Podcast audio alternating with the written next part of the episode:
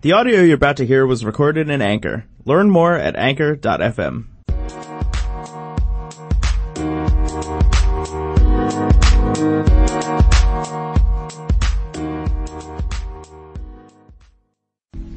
Jadi kali ini gue mau jawab pertanyaan dari Di Martana Dia tadi nanyain di grup belajar bersama Bena Pertanyaan adalah gimana caranya bisa menjalin hubungan dengan orang-orang yang sudah ahli di bidangnya Atau orang-orang yang sudah famous gitu Nah dia bertanya apakah uh, Bang Bena dulu udah pernah kenal sama konten-konten kreator yang lain?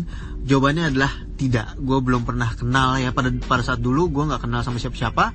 Bahkan gue orang pemalu dan pendiam. Jadi gimana cara gue bisa kenal sama mereka? Tahun 2008 em, atau lebih tepatnya waktu itu gue tahun 2002 Em, sorry lebih tepat tahun 2004 atau 2005 pokoknya pas gue SMA itu gue pertama kali baca buku Kambing Jantan bukunya Raditya Dika dan di ujung di halaman terakhirnya buku Raditya Dika itu ada emailnya Radit.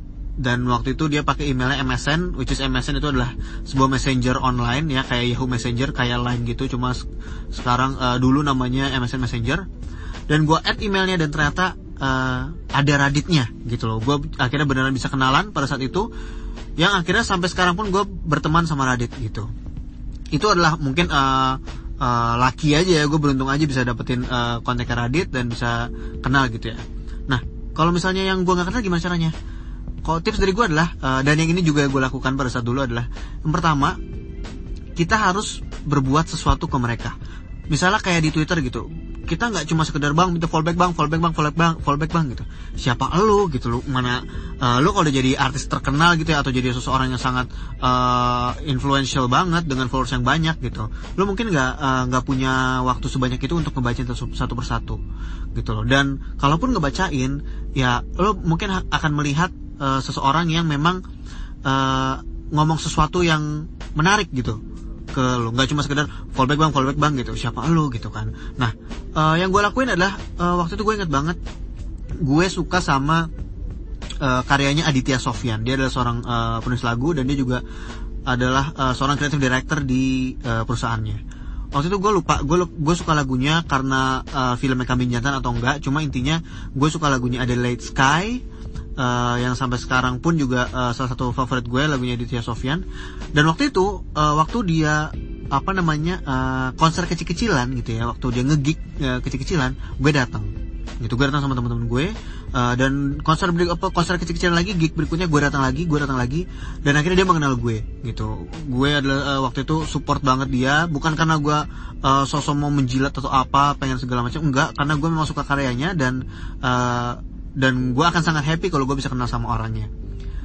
Yang waktu itu adalah eh, gue lupa ngapain. Mungkin gue fotoin dia atau gue nge-tweetin dia atau gue ngasih feedback ke dia yang yang uh, feedback yang mungkin membangun atau gimana gitu. Yang membuat uh, dia jadi oh ini orang uh, punya sesuatu nih buat gue. Gitu ini orang tuh uh, peduli sama karya gue. Misalnya kayak gitu. Karena um, kalau misalnya gue nggak ngapa-ngapain mungkin dia juga ya lu siapa gitu? Lu nggak ngapa-ngapain gitu. Tapi gue pada saat itu adalah gue salah satu orang yang nonton konser nonton gig dia pertama kali. Gitu loh. Waktu dia masih masih apa namanya malu-malu masih kocak banget lah gue nontonin dia. Dan itu terkenang banget sampai sekarang. Terus setelah gue kenal eh, ternyata eh, dia follow gue juga di twitter. Dia tahu gue seorang blogger juga waktu itu. Dan tanpa disangka-sangka eh, pekerjaan blog gue pertama kali itu datang dari perusahaannya dia. Percaya nggak? Gue nggak bohong sama sekali. Gue pertama kali eh, dapat kerjaan di twitter dulu ya itu datang dari salah satu perusahaannya dia. Karena dia sebagai creative directornya. Gue nggak tahu itu eh, inisiatif dari siapanya tapi intinya eh, koneksinya seperti itu. Terus lagi ada eh, Endah Resa gitu loh. Eh, waktu itu ini contoh dari temen gue ya.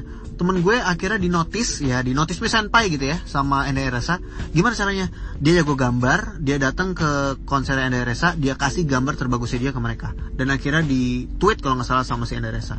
Jadi kayak apa ya eh, lu harus menjadi seseorang yang bukan bukan setara tapi tapi lo, lo harus menjadi orang yang uh, worth it untuk mereka notice gitu bukan berarti harus gimana gimana banget bukan berarti harus menjilat atau gimana tapi kira-kira apa nih yang bisa lo lakukan untuk mereka supaya mereka juga menotis lo istilahnya gitu sih kayak misalnya gimana caranya uh, lo bisa menarik perhatiannya dia gitulah gampangnya.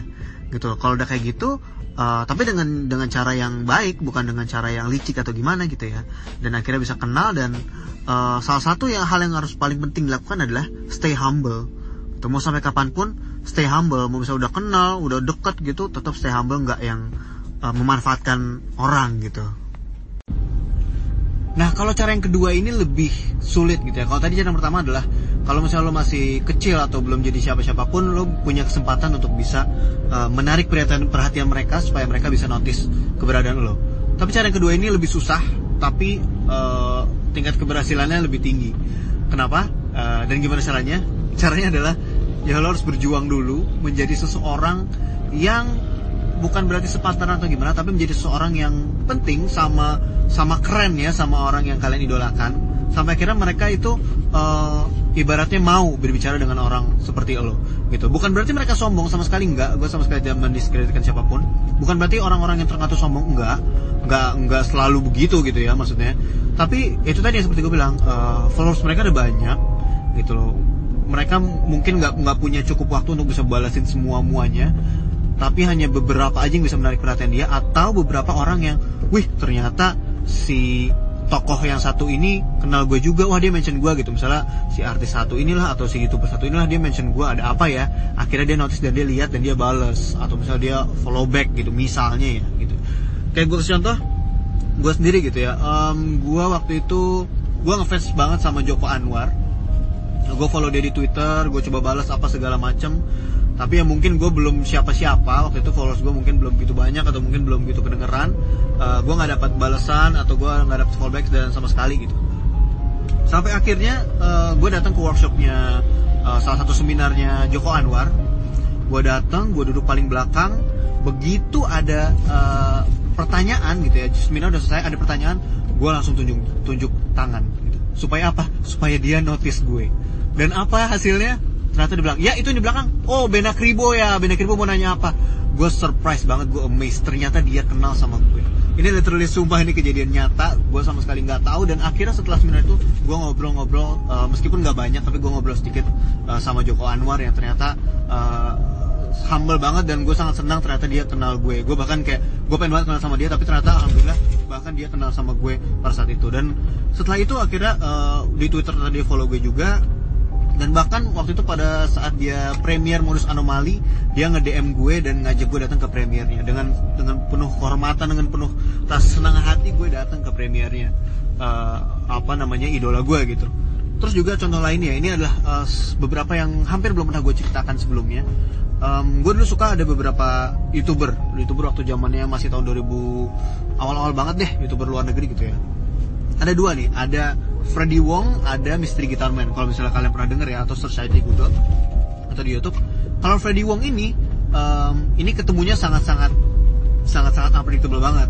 Jadi si Freddy Wong ini suka banget uh, dia jago banget ngetik cepat gitu. Dan pada suatu hari gue lagi main uh, apa namanya ada website buat ngetik cepat tiba-tiba gue ketemu sama dia di situ. Dan gue main game bareng gue lawan sama Freddy Wong dan untungnya gue ngetik juga cepet banget. Dan pada saat itu gue berusaha setengah mati gue kalahin si Freddy Wong.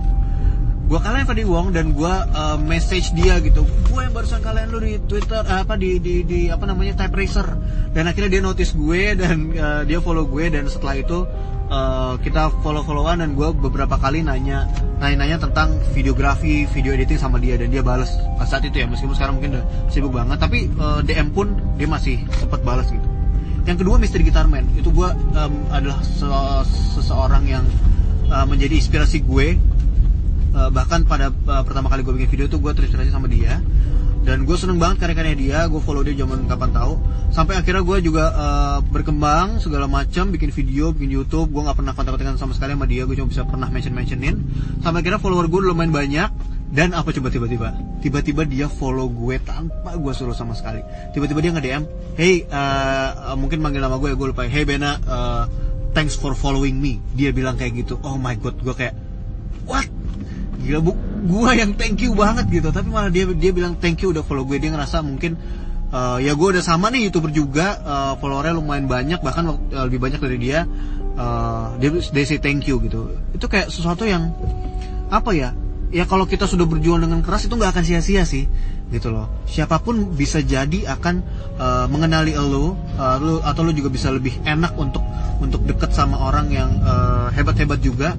Karena lo juga sudah uh, istilahnya sepantaran nih udah. Gue juga lo juga punya karya gitu. Jadi memang cara sulitnya seperti itu tapi sangat-sangat worth it untuk dilakukan. Semoga bermanfaat. Thank you. Gimana tanda pertanyaannya? Dadah The audio you just heard was recorded in Anchor. Learn more at anchor.fm.